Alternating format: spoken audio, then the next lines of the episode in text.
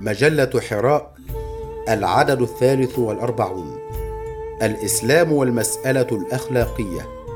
بقلم الأستاذ الدكتور الشاهد البوشيخي.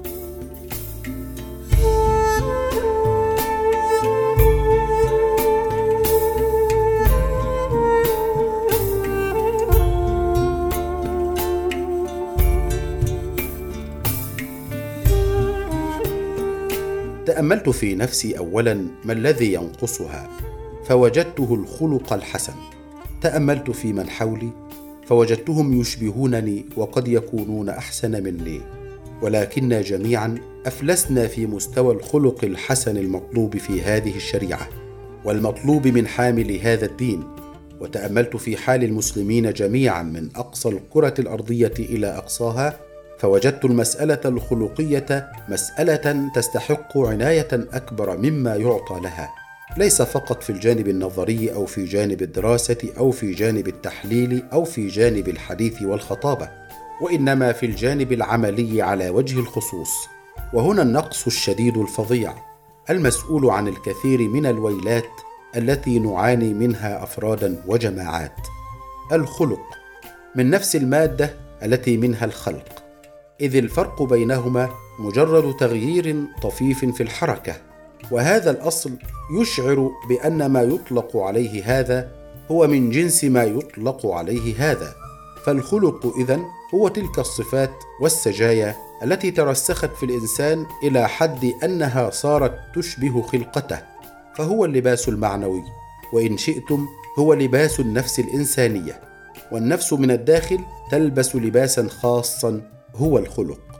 اللباس الذي يستر به الخلق جسمه هو لباس مادي يسهل تغييره وإعادة ترتيبه وتنظيفه وتزيينه ولكن اللباس المعنوي ليس من السهل تغييره وليس من السهل إصلاحه وليس من السهل إحداث الترتيب فيه بسرعة ليعود على الصورة التي نحب أن يكون عليها. بل لا بد من مجاهدة ومكابدة ورياضة شاقة عسيرة تسهم فيها أمور كثيرة مادية ومعنوية داخلية وخارجية ومن جملتها البلايا التي يسلطها الله على عباده ليطهرهم بها ويزكيهم. الخلق لباس معنوي. هذا اللباس المعنوي ليس من السهل إحداث تغيير فيه. فلا بد من مجاهدة ومجهود كبير وهذا الأمر يغفل عنه إذ حين يتم الانتقال إلى هذا الدين بسرعة تحدث التغييرات الشكلية في لابس الدين ولكن التغييرات المعنوية لا تسير بنفس السرعة. هذا إذا حرص عليها وواجهها وراض نفسه على التغييرات المطلوبة. أما إذا أهملها فسيظل فقط مخلوقا مستورا بزي يخالف ما هو مستور تحته وهذا يعني ظاهر يخالف الباطن ويعني ظاهر يصبح وسيلة للخداع من حيث لا يشعر الإنسان. إن الإنسان يبتدئ من الحكم على الظاهر اولا وينطلق في التعرف على أي شخص من ظاهره لأن ذلك الظاهر له دلالة وله معنى. فهو بمثابة لفظ يدل على معنى.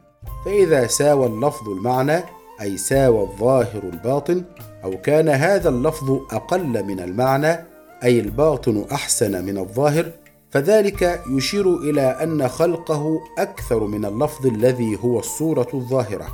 وها هنا يفرح الإنسان. أما إذا كان العكس أي الظاهر جميل والباطن خرب فيا خسارتاه. لذلك كان رسول الله صلى الله عليه وسلم يقول في دعائه المشهور اللهم اجعل سري أصلح من علانيتي وعلانيتي صالحة.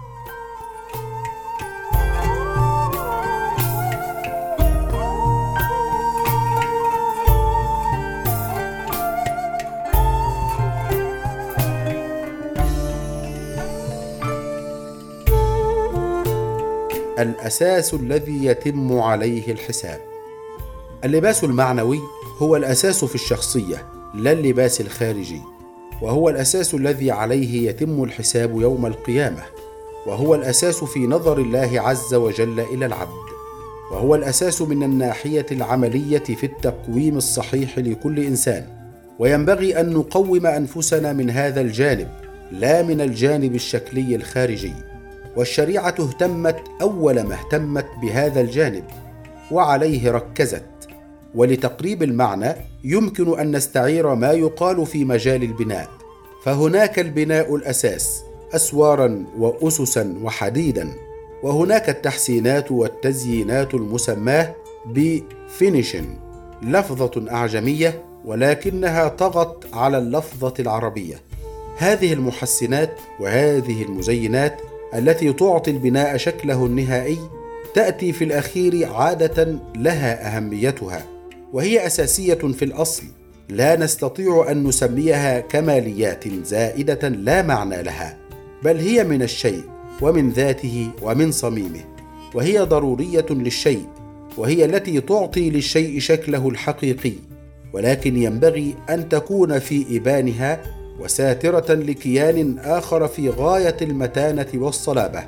أما إذا حدث العكس فالشكل الذي يرى جميلا والبناء المستور تحته في غاية الهشاشة فهنا تكون الكارثة. إذ قد يسقط البناء كله في لحظة من اللحظات فتحدث كارثة إنسانية. هذا اللباس المعنوي أنواع. فيه جانب يمكن أن نسميه خلقا مع الله عز وجل والثاني يمكن أن نسميه خلقا مع النفس وفيه جانب يمكن أن نسميه خلقا مع الناس. عناية الإسلام بالجانب الخلقي. الإسلام عني بهذا الجانب عناية كبيرة ولا بأس أن نقف عند بعض الأحاديث وبعض الآيات الكريمة لننظر أين يضع الله عز وجل هذه المسألة. من الآيات الصريحة في هذا الموضوع قول الله عز وجل مخاطبا رسوله صلى الله عليه وسلم في سياق اتهام الخصوم له بالجنون وبغير الجنون وإنك لعلى خلق عظيم.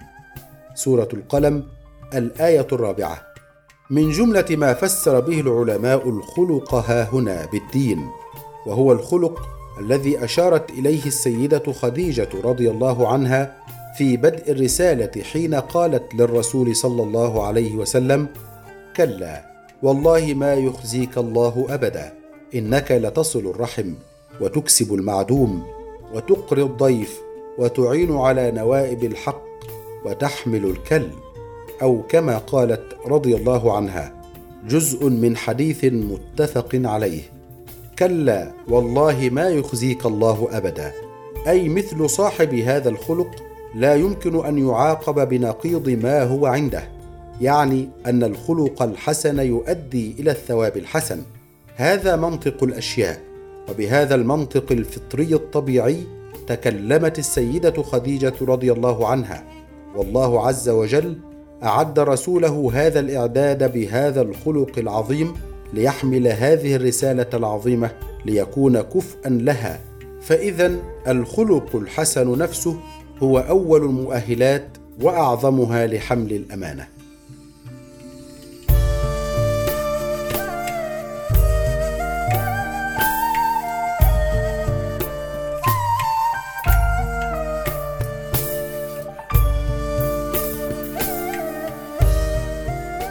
الخلق الحسن تعبير عن الإيمان الكامل. كان رسول الله صلى الله عليه وسلم يحث على حسن الخلق لأنه اللغة المعبرة بصدق عن حسن الإيمان وكماله.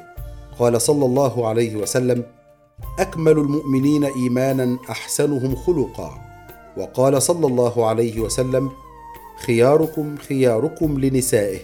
والتعبير عن الكمال والحسن باسم التفضيل في هذا الكمال يشعر بالثمرة الحسنة للإيمان التي يتم التعبير عنها في شكل أرفع الأخلاق وأسماها لأن الإيمان الذي وقر في القلب لا يمكن ألا يعبر عن نفسه أي مستحيل ألا يعبر عن نفسه في صورة خلق حسن بل الحقيقة أن كل ما هو واقر في القلب لا بد أن يعبر عن نفسه في الخلق إن حسنا فحسن وإن سيئا فسيء. قال الله تعالى ولتعرفنهم في لحن القول. سورة محمد الآية الثلاثون. وقال الشاعر ومهما تكن عند امرئ من خليقة وإن خالها تخفى على الناس تعلمي. إذا فكما أن الإيمان يؤدي إلى كمال الخلق فحسن الخلق يؤدي أيضا إلى كمال الإيمان. والإيمان ليس كما يقال موجودا في القلب بدون أثر يرى في الخارج. فالحقيقة هو شيء معبر عنه في الخارج بعدة طرق من مثل قول الرسول صلى الله عليه وسلم إذا رأيتم الرجل يعتاد المساجد فاشهدوا له بالإيمان. رواه الترمذي. هذا فعل وهذه ممارسة تدل على شيء فالإيمان يعبر عن نفسه فإن لم يعبر دل على ضعف مثل ما في أحاديث الجهاد من مثل قوله صلى الله عليه وسلم ما من نبي بعثه الله في أمة قبلي إلا كان له من أمته حواريون وأصحاب يأخذون بسنته ويقتدون بأمره ثم إنها تخلف من بعدهم خلوف يقولون ما لا يفعلون ويفعلون ما لا يؤمرون فمن جاهدهم بيده فهو مؤمن ومن جاهدهم بلسانه فهو مؤمن ومن جاهدهم بقلبه فهو مؤمن وليس وراء ذلك من الإيمان حبة خردل. رواه مسلم. وذلك هو أضعف الإيمان. هذا حال ضعيف جدا حين لا نجد تعبيرا خارجيا صريحا متجاوزا الذات. وهو لا بد له من تعبير في الذات على الأقل في هذا المستوى الذي عبر عنه الحديث. لا بد للإيمان من تعبير.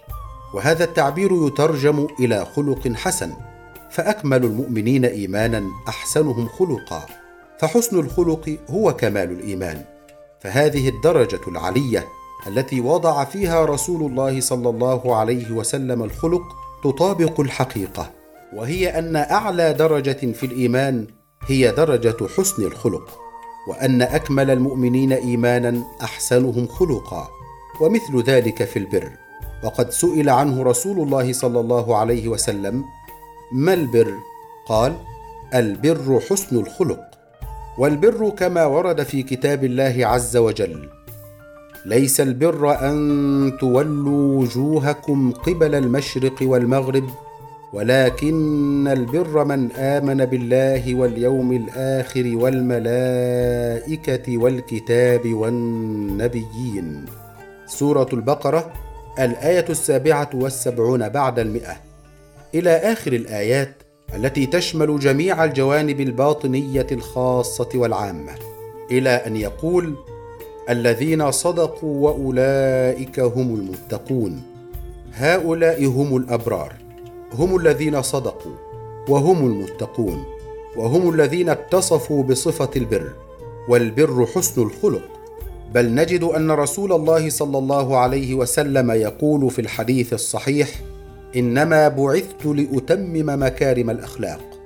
أي جاء رسول الله صلى الله عليه وسلم ليتمم مكارم من الأخلاق سبقت وجاء بها أنبياء سابقون وهو جاء ليتم هاته النعمة. ولأهمية الأخلاق نجد رسول الله صلى الله عليه وسلم يركز عليها في كل حالة. مثل حديث أبي أمامة رضي الله عنه المشهور أنا زعيم ببيت في ربض الجنة لمن ترك المراء وإن كان محقا وببيت في وسط الجنة لمن ترك الكذب وإن كان مازحا وببيت في أعلى الجنة لمن حسن خلقه أو لمن حسن خلقه. رواه الإمام أحمد. فالمدار على حسن الخلق لأنه رأس الأمر. الدين كله عبارة عن خلق أي إن طبيعته ليست طبيعة نظرية وليست معلوماتية بل هي طبيعة عملية هي طبيعة اللباس الذي يلبس لباس تلبسه النفس الإنسانية فتصير به خلقا آخر فالدين خلق أي ذو طبيعة عملية طبيعة يتخلق بها فتصير كالخلقة. كخلقة الشخص سجية راسخه فيه وهذا هو المطلوب. ومحمد رسول الله صلى الله عليه وسلم عبارة عن خلق أيضا. قالت سيدتنا عائشة رضي الله عنها وقد سئلت عن خلقه كان خلقه القرآن. والقرآن نفسه كان عبارة عن خلق تخلق به رسول الله صلى الله عليه وسلم. اذا الدين خلق. ومحمد صلى الله عليه وسلم خلق والقرآن خلق فالخلق في منزلة علية جدا وهو نوعان حسن وسيء. أما الخلق الحسن فهو الذي ينبغي على المؤمن أن يتخلق به وهو الذي جاء به الإسلام ليتممه وهو الذي دعا إليه رسول الله صلى الله عليه وسلم وكان مثلا له. وكان لنا أسوة في هذا الخلق الحسن لا في سواه ولا يوجد سواه لدى رسول الله صلى الله عليه وسلم.